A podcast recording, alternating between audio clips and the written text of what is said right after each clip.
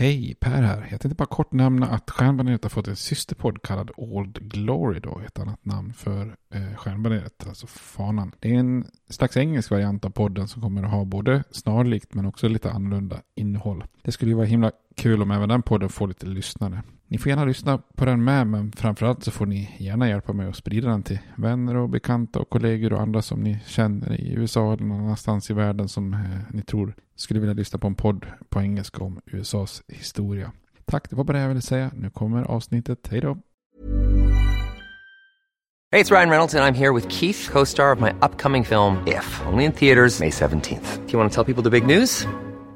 All right, I'll do it. Sign up now and you'll get unlimited for $15 a month in six months of Paramount Plus Essential Plan on us. Mintmobile.com slash switch. Upfront payment of $45 equivalent to $15 per month. Unlimited over 40 gigabytes per month. Face lower speeds. Videos at 480p. Active Mint customers by 531.24 get six months of Paramount Plus Essential Plan. Auto renews after six months. Offer ends May 31st, 2024. Separate Paramount Plus registration required. Terms and conditions apply if rated PG. Hiring for your small business? If you're not looking for professionals on LinkedIn, you're looking in the wrong place. That's like looking for your car keys in a fish tank. LinkedIn helps you hire professionals you can't find anywhere else, even those who aren't actively searching for a new job but might be open to the perfect role. In a given month, over 70% of LinkedIn users don't even visit other leading job sites. So start looking in the right place. With LinkedIn, you can hire professionals like a professional. Post your free job on linkedin.com slash people today. Millions of people have lost weight with personalized plans from Noom. Like Evan, who can't stand salads and still lost 50 pounds. Salads, generally, for most people, are the easy button, right? For me, that wasn't an option. I never really was a salad guy. That's just not who I am. But Noom worked for me. Get your personalized plan today at Noom.com. Real Noom user compensated to provide their story. In four weeks, the typical Noom user can expect to lose one to two pounds per week. Individual results may vary.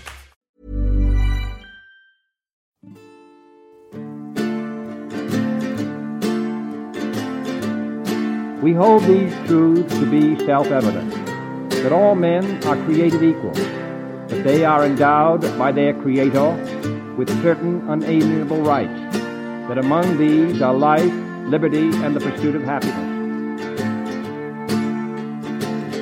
Now we are engaged in a great civil war, testing that government of the people, by the people, for the people, shall not perish from the earth. And so, my fellow Americans, ask not what your country can do for you, ask what you can do for your country. I have a dream my four little children will one day live in a nation where they will not be judged by the color of their skin, but by the content of their character. Mr. Gorbachev, tear down this wall. I did not have sexual relations with that woman, Miss Lewinsky. Hej och välkommen till Stjärnbaneret. En podd som eh, de flesta av er som har varit, lyssnat länge vet handlar om USAs historia. Och eh, det största momentet i den här podden är ju vår översiktsserie eh, som stegades igenom USAs historia från start till mål. Och vi har ju kommit långt här nu och ska ju precis här lämna 70-talet idag och hoppa in på eh, 1980-talet. Så att det här börjar ju bli eh, oerhört modern historia nu jämfört med den dagen när vi började en gång med den koloniala perioden och, och, och de bitarna i USAs historia. Då. I de senaste avsnitten så har vi ju eh, sett hur den konservativa högern växer fram och hur den attackerar den rådande liberalismen då som eh, hade haft greppet om USA i, i många år och en väldigt central del i allt detta är ju såklart eh, personen Ronald Reagan. Och idag ska vi mm, prata mer om hans karriär och, och kulmen som kommer då i presidentvalet 1980 när Ronald Reagan eh, väljs till USAs president och som ju är lite av en vändpunkt i amerikansk eh, historia. Men jag hoppas som sagt att eh, de här senaste avsnitten kanske bättre förklarar det här valet och de krafter som till slut lyfter fram Ronald Reagan i, i det här presidentvalet. Tittar vi då på hur vägen fram till att Republikanerna nominerar Ronald Reagan så kan man ju konstatera då att Reagan själv är en, en, en central del i den här framväxten av den konservativa högern under 60 och 70-talet och kritiken mot liberal, liberalism då. Ehm, eh, och tittar man på Reagans bakgrund då så hade han växt upp i en liten småstad i mellanvästern i delstaten Illinois då. Och, eh, och även om han senare jag brukar prata just om den amerikanska småstadsidyllen som en tid att längta tillbaka till och eftersträva så växte han ju själv upp i en ganska dysfunktionell familj med en pappa som, som drack alldeles för mycket och, och så vidare. Eh, det här på något vis verkar ha präglat honom i att efter att ha växt upp i ett eh, kanske, man ska säga, dystert hus då, eh, så är det som att han nästan tar det som sitt livsupp, livsuppdrag att alltid sprida glädje och muntra upp andra människor. Och eh, hans eh, humor finns det ju väldigt många exempel på. Han är ju väldigt duktig på att skämta och, och skoja till det för att höja humöret i de sammanhangen han rör sig i. Då. Eh, Reagan flyttar ju sen från Mellanvästern till Kalifornien och där han bygger upp en politisk karriär. Men innan, innan dess så är, är ju hans karriär, som också många vet, eh, som skådespelare då. Eh, han är ju knappast en av de största eller mest kända skådespelarna, men han är ändå med i, i, i ett antal filmer då så att säga. Tittar man på Reagan som ung då så såg han ju upp till Franklin Roosevelt och eh, hans nya giv då. Och det här passade ju på något vis egentligen Reagan, det här optimistiska ledarskapet eh, med fina visioner om framtiden. Och den här forna presidenten Roosevelt var ju en, en, en förebild för Reagan på det viset. Då. Men när han sen då eh, överger skådespelarkarriären och börjar engagera sig i politiken i, i början av eh, 1960-talet eh, så blev det ju en mer konservativ bana eh, och eh, republikanerna som, som gällde då. Reagan beskrev egentligen den här processen som att I didn't leave the Democratic Party, it left me. Så att det här stämmer ju lite grann in som de här neo på, som på de här neokonservativa som jag pratade om i senaste avsnittet. Alltså liberaler och demokrater som, som, som hade tillhört det demokratiska partiet men som sen tycker att eh, partiet går i fel riktning och att man då gör själv på något vis blir kvar som en slags eh, konservativ politiker då som, som sen tyr sig till det republikanska partiet då. Men man ska också komma ihåg att Reagan hade en konservativ sida från start då. Under hans eh, skådespelarkarriär hade han ju bland annat agerat som informant åt FBI då i alla de här drivens märkning, antikommunismen då, McCarthy-eran där han ju faktiskt hade angett andra Hollywoodstjärnor i den här hysterin om att avslöja kommunistiska spioner då. Eh, Reagan gifte sig också med Nancy som eh, då härstammar från en konservativ familj och det förefaller som att Nancy Reagan hade ganska stor inverkan på Reagans politiska tankar och verkligen var en, en rådgivare till sin man då. Och det här gör att han med tiden blir allt mer skeptiskt inställd till skatter och, och blir en allt hårdare antikommunist. Kommunist då. Efter en tid på företaget General Electrics så ger han sig in i eh, politiken eh, på allvar då och han eh, blev en väldigt stark supporter av den konservativa Barry Goldwater på 60-talet. Eh, Reagans stjärna steg ju rejält i konservativa kretsar och han blev eh, nationellt känd när han höll ett eh, skickligt tv-sänt tal till förmån för Barry Goldwater. Eh, efter Goldwaters misslyckade försök att bli president 1964 som vi pratade om här tidigare så, så tog ju Reagan allt mer över ledarskapet för, den republik, alltså för republikanernas konservativa falang. Då. Bara två år efter det, 1966, så vann han sin första mandatperiod som guvernör i Kalifornien och han skulle ju också sitta två mandatperioder. Eh, som guvernör var han ganska lik Nixon kan man säga, politiskt, alltså en pragmatisk politiker men med en retorik som kanske var lite mer åt det tuffa konservativa hållet. Då. De konservativa republikanerna ville ju se Reagan som presidentval, eh, presidentkandidat redan i valet 1976 då. Och Reagan utmanade ju också mycket riktigt den sittande presidenten Gerald Ford och höll ju så när på att eh, vinna primärvalet och, och snuva Ford på nomineringen. Men han lyckas ju inte utan Ford blir ju blir ju nominerad då. Eh, en av Reagans styrkor eh, och som bidrog till den konservativa högerns framfart var ju hans sätt att på, föra samman allihopa. Alltså både de här traditionalisterna och de här libertarianerna i, i det republikanska partiet. Han såg liksom inga, motsats, inga motsatsförhållanden i att vara konservativ. Både liksom i sociala frågor som lag och ordning och aborter och bussning och kvoter och annat. Samtidigt som han var väldigt konservativ i ekonomiska frågor som skattesänkningar, balanserad budget och minskad federal stat och så vidare. Då. Reagans främsta styrka var ju emellertid eh, inte att vara någon slags konservativ, vad ska man kalla det för, intellektuell kraft, utan styrkan var ju hans eh, positiva personlighet och karisma, begåvning och hålla tal och de bitarna då. Eh, konservativa republikaner hade ju egentligen från Herbert Hoovers dagar via Robert Taft och fram till Barry Goldwater eh, präglats av, av rätt så bleka personligheter då. Eh, lite brist på glöd och strikt moralism och sånt där då. Och de hade liksom levt upp till någon slags stereotyp nidbild av, av konservativa som tråkiga, elaka utan medkänsla. Men Reagan, han gick ju hem hos gemene man och han hade ju väldigt varm folklighet och, och, eh, och som de här tidigare konservativa republikanska ledarna aldrig, aldrig haft. Då.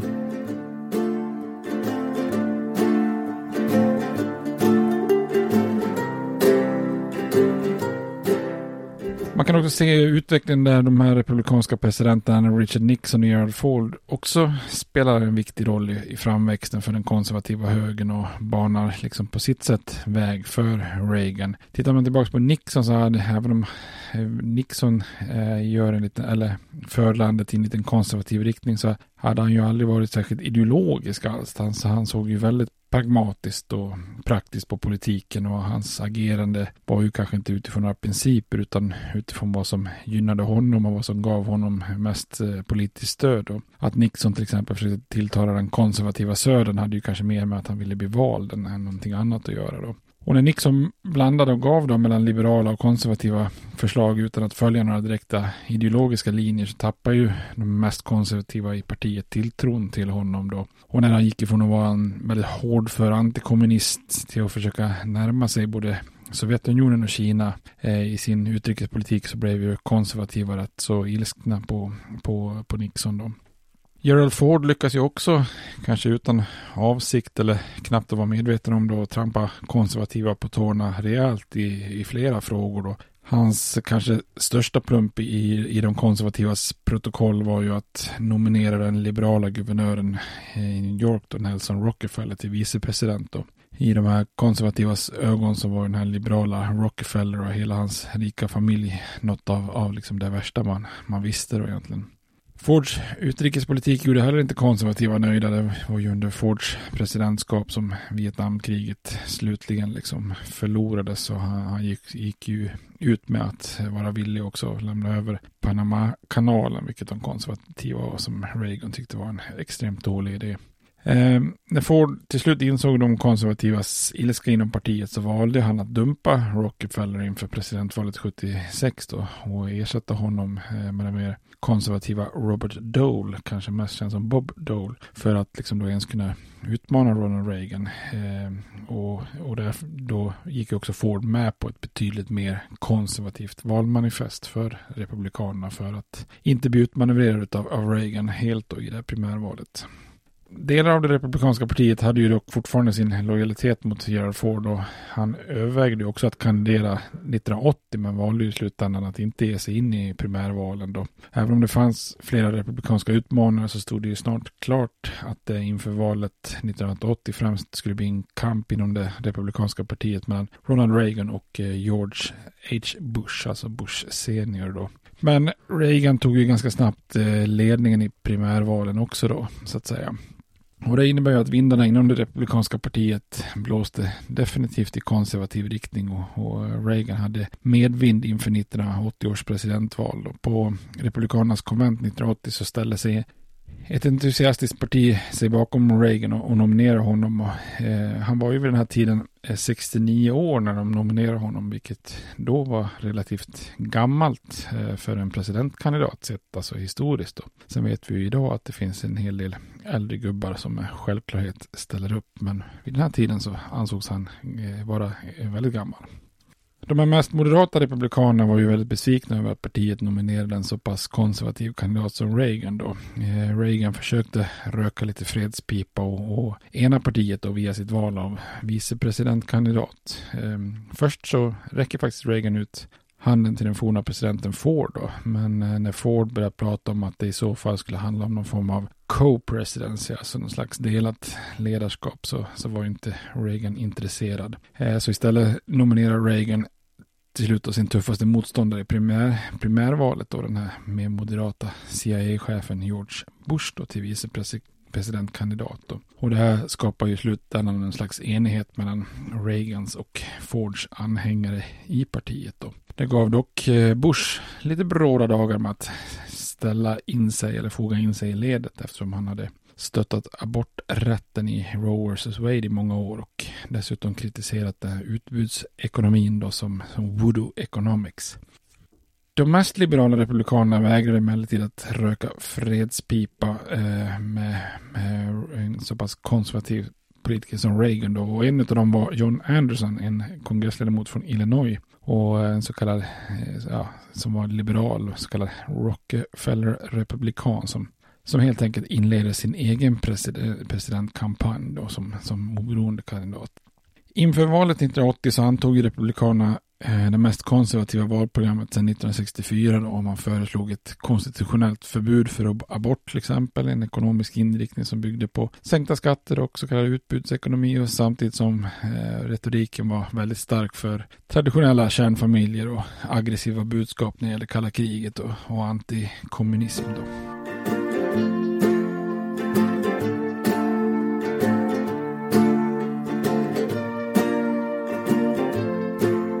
Om det var optimism, optimism bland republikanerna eh, och Eh, med en kandidat som nomineras som utstrålar optimism så, så var det kanske lite tvärtom hos eh, demokraterna. Då. Eh, krisen med Islanddramat i Iran och Sovjetunionens invasion av Afghanistan, hög inflation, en andra oljekris, rekordhöga räntor gav ju liksom intrycket av att den demokratiska sittande presidenten Jimmy Carter stod eh, ganska hjälplös inför de problem som USA hade både inrikes och utrikes politik. Då. Och i det här klimatet så nådde ju Carters popularitetssiffror eh, botten kan man säga.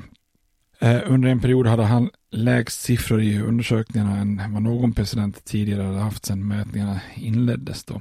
Eh, efter mellanårsvalet 78 så var de liberala delarna av det demokratiska partiet villiga att, egentligen dumpa Carter trots att han var sittande president. Eh, och då inleder man lite av en revolt inom partiet. Och revoltörerna de utmanar ju senatorn Edward Kennedy, eller Ted Kennedy då, yngre bror till, till John och Robert Kennedy, att, eh, att utmana Carter i primärvalet. Och när Kennedy i vissa opinionsundersökningar hade högre stöd bland de demokratiska väljare än Carter så, och såg ut då att ha en god chans att kunna vinna nomineringen så bestämde han sig för att utmana Carter i primärvalet. Då. Eh, I november 79, bara dagar innan han skulle annonsera sin kampanj då, så gjorde emellertid Kennedy en ganska stor blunder då. Under en intervju så framstod han eh, allmänt som, som disträ och oengagerad och på en direkt fråga om varför han ville Eh, eventuellt ville bli president så, så, så svamlar han ju ganska rejält och verkar inte riktigt ha något egentligen bra svar på det här. Då. Eh, det finns klipp på nätet, sök på det, det är rätt spännande att se det här. När han väl kom ut som kandidat också så drunknade ju uppmärksamheten eh, liksom, av gisslandramat i, i Iran då, som dominerar media. Så i slutändan så segrade Carter över Kennedy i primärvalen med en, eh, med en 2-1 marginal kan man säga och, och vann sitt, sitt partis nominering då. Alltså många resonerade så i en tid av kris så, så byter man inte häst. Eh, Carter valde att ha eh, sittande vicepresidenten Walter Mondale som vicepresidentkandidat. Då. Eh, Carters kandidat kandidatur och kampanj väckte ju emellertid ganska lite entusiasm jämfört med, med Reagan och när valet kom eh, och började närma sig så började oddset för att Carter skulle bli omvald att, att bli eh, rätt, eh, rätt så höga.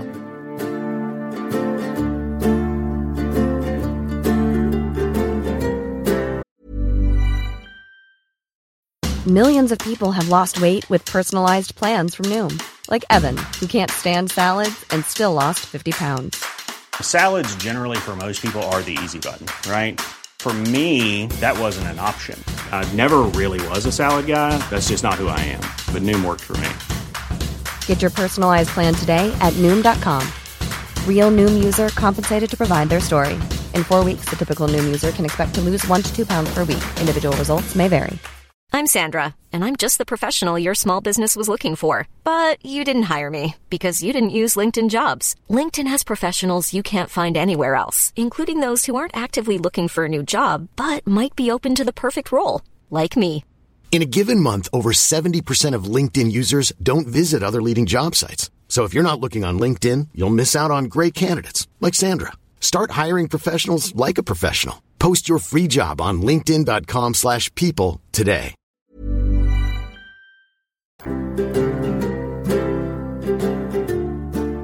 Tittar vi lite närmare på presidentvalet 1980 så Reagan han lyckas ju skickligt koppla fenomenen som skatterevolten och utbudsekonomi och den här religiösa högen till sin kampanj. Då. Eh, han var väldigt hård i kritiken mot demokraterna och föreslog skattesänkningar och avregleringar och minskad federal stat. Eh, Reagan anklagar ju Carter för landets problem. Då bland annat lyfte han fram det han kallade för misery index. Att man alltså kombinerade procenten för inflationen och arbetslösheten. Eh, och i början av 1980 så hade det här nått eh, 28 procent och konstant över året så låg det över 20 procent och det här lyfte Reagan fram då. Och genom att kritisera Demokraterna för inflation och arbetslöshet samtidigt som han flörtade lite med rasism så vann ju också Reagan över många vita arbetare till Republikanerna då. Reagan förespråkar också ett återställande av amerikanska stoltheten och styrkan i världen då. Ett ganska otydligt men, men populärt och optimistiskt budskap. Han menar att USA inte nått upp till sin fulla potential och gav en väldigt ljus bild av framtiden då. Eh, vilket ju då blir en ganska enorm kontrast mot, mot Carter som snarare gav en slags ärlig, dyster och mörk bild av landet i sina, sitt kända tv-tal. Han försöker lägga skulden på amerikanerna snarare än sig själv som vi pratade om i, för några avsnitt sedan då.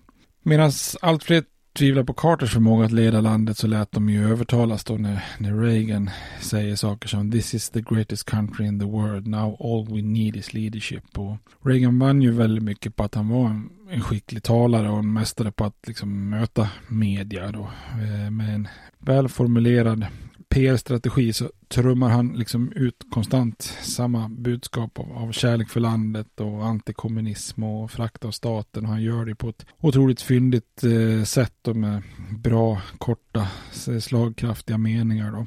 Eh, Problemen som stagflationen ville ju Reagan möta med utbudsekonomi då. Eh, eller det som kritiker kallade för economics of joy eller Woodrow economics då. Utrikesproblemen ville Reagan möta genom att spänna musklerna med ärkefienden Sovjetunionen med stora investeringar i militären då. Och för att blicka den religiösa högern så antog partiet ett valprogram där man motsatte sig både abort och det här Equal Rights Amendment.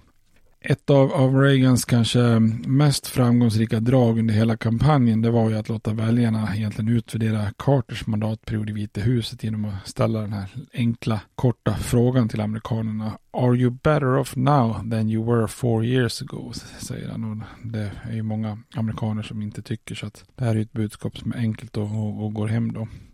Carter hade inte jättemycket att sätta emot. Han försöker lite grann med samma budskap som, som Lyndon B. Johnson hade kört mot den konservativa Barry Goldwater 64. Det vill säga att Reagan var alldeles för opolitlig och aggressiv och förhastad för att kunna ta ansvar för en kärnvapenarsenal. Då. Eh, och han menar att Reagans antikommunism och upprustningsfilosofi gjorde valet till en fråga om krig eller fred. Carter försöker också som sittande president att förflytta sin politik lite till höger för att undergräva det konservativa stödet för, för Reagan och, och liksom, eh, försöka vinna mittenväljare. Då. En viktig pusselbit var ju hans försök att genom en, en militär operation frita den här gisslan i Teheran. Då. Men det som vi pratade om gick ju allt fel för, för Carter då. Eh, och en mer konservativ fiskalpolitik förvärrade ju ekonomin och skapade liksom en nedgång som då snabbt kallas för Carter-recessionen och den militära operationen blev ju som sagt ett fiasko. Så att Carters kampanj eh, går ju inte jättebra och han tappar ju också eh, Carter tappar ju också en hel del till den här oberoende kandidaten John Anderson eh, som tilltalade väljare som var besvikna på Carter men som inte ville gå så långt som att de gav sin röst till den konservativa Reagan då.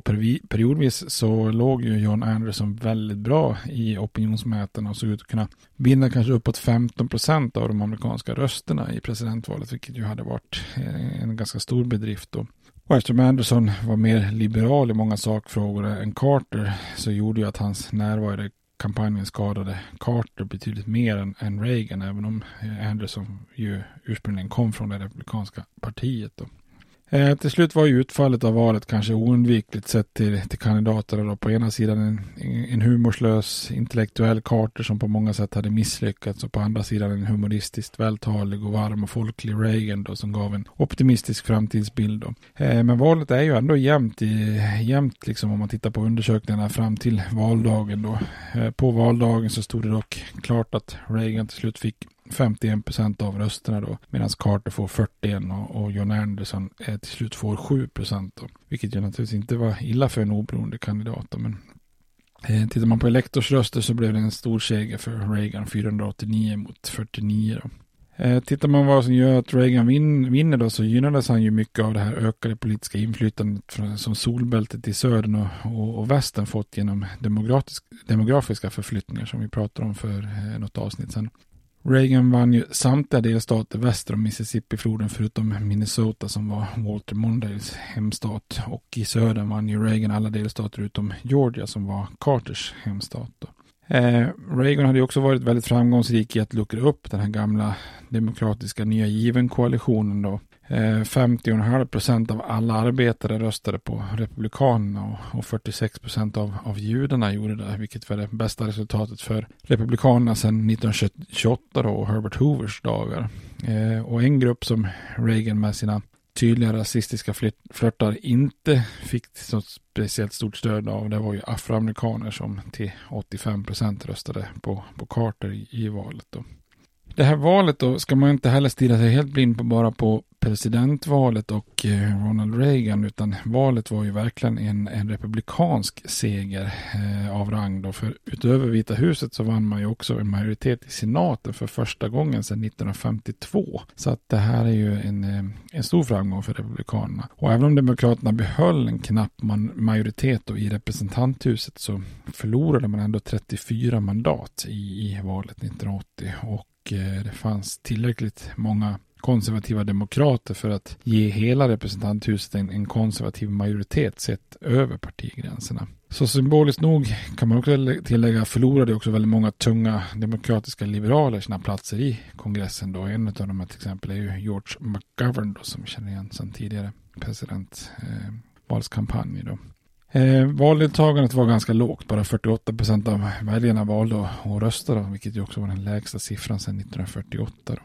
Man kan ändå notera att Reagan bara fick en knapp majoritet av väljarna bakom sig, 50,8 procent. Eh, enbart egentligen 3 procent eh, fler röster än vad Gerald Ford hade fått fyra år tidigare. Då. Men hans stora marginal i elektorsröster och, och republikanernas framgång i, i kongressvalen gjorde ju att många tolkade valet 1980 som ett väldigt stort mandat för konservatism, eller den konservatism som Reagan stod för. Då. Det finns också två ironiska aspekter här från valet 80 och Reagans installation. Då. Det första är ju att valdagen var ju på, precis på årsdagen för gisslandramat i Iran. Då. Och den andra aspekten är ju att gisslan släpps samma dag som Reagan installeras. Då. Eh, regi regimen i Iran eh, var ju i desperat behov av finansiella medel för att kunna hantera kriget mot eh, grannlandet Irak. Då. Och Carter hade ju frusit iranska tillgångar hos amerikanska banker så länge gisslan inte släpptes. Och regimen valde ju därför till slut att släppa gisslan för att få, få loss tillgångarna. Då. Och därmed var ju det här långdragna gisslandramat i Iran över. Eh, gisslan hade suttit fånga i Teheran i 444 dagar då, men välkomnades ju hem med demonstrationer och glädje när de landade på amerikansk mark. Och patriotismen nådde ju höjder som inte funnits sedan andra världskrigets slut då. Och på något sätt så, så blir ju länken mellan Reagans installation och gisslans frihet något som gjorde att folk nästan, nästan liksom tillskrev Reagan snarare än Carter äran att, att egentligen till slut fått den här gisslan fria. Så att det här blir ju en otroligt ironisk eh, aspekt av valet och eh, installationen. Då.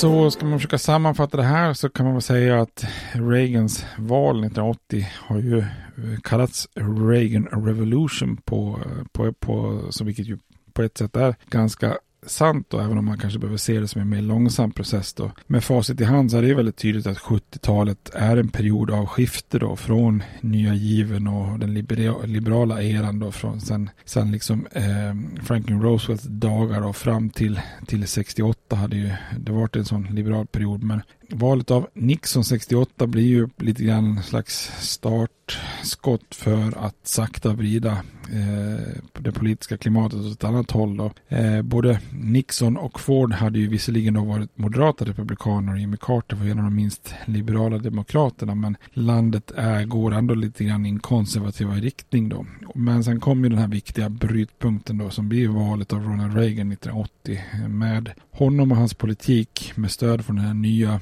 högern då som jag pratat om så inleds ju en konservativ era som USA mer eller mindre haft hela vägen fram till modern tid. Då. Och att den här demokratiska och liberala eran helt gick i graven i samband med valet 1980 sammanfattades ju väldigt bra av den demokratiska senatorn från Massachusetts, Paul Tsongas, som eh, bland annat eh, senare utmanade Bill Clinton i primärvalet 1992. Då. Eh, han säger så här dagen efter att Reagan eh, har valts då så säger han ju så här Basically the new deal died yesterday säger han. Eh, och det är väl ett citat som verkligen sammanfattar hela den här eh, processen som vi har pratat om i, i, i, de, i de senaste tre avsnitten. Då. Eh, I kommande avsnitt ska vi se hur, hur USA är på 80-talet så här under Reagans styre. Men jag kände att eh, jag hoppas att ni har fått en bättre bild nu de senaste tre avsnitten av dels hur det kom sig att landet gör en så pass konservativ svängning och eh, hur man kan förklara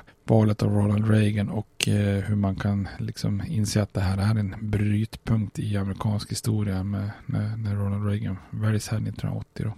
Men eh, ja, då är podden framme på 80-talet. Då ska vi hoppa vidare i de kommande avsnitten och prata mer om Reagan och 80-talet. Ha det bra. Hej! States like these and their terrorist allies constitute an axis of evil. And if the hippies and the yippies and the disruptors of the systems that Washington and Lincoln as presidents brought forth in this country will shut up and work within our free system of government, I will lower my voice. If the impeachment provision in the Constitution of the United States will not reach the offenses charged here, then perhaps that 18th century Constitution should be abandoned to a 20th century paper shredder. Therefore, I shall resign the presidency effective at noon tomorrow.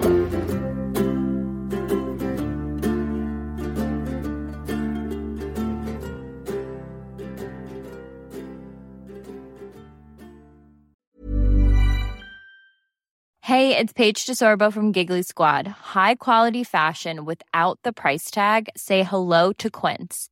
I'm snagging high end essentials like cozy cashmere sweaters, sleek leather jackets, fine jewelry, and so much more. With Quince being 50 to 80% less than similar brands.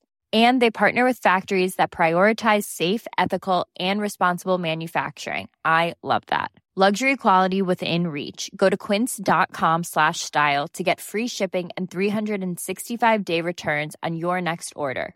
Quince.com slash style.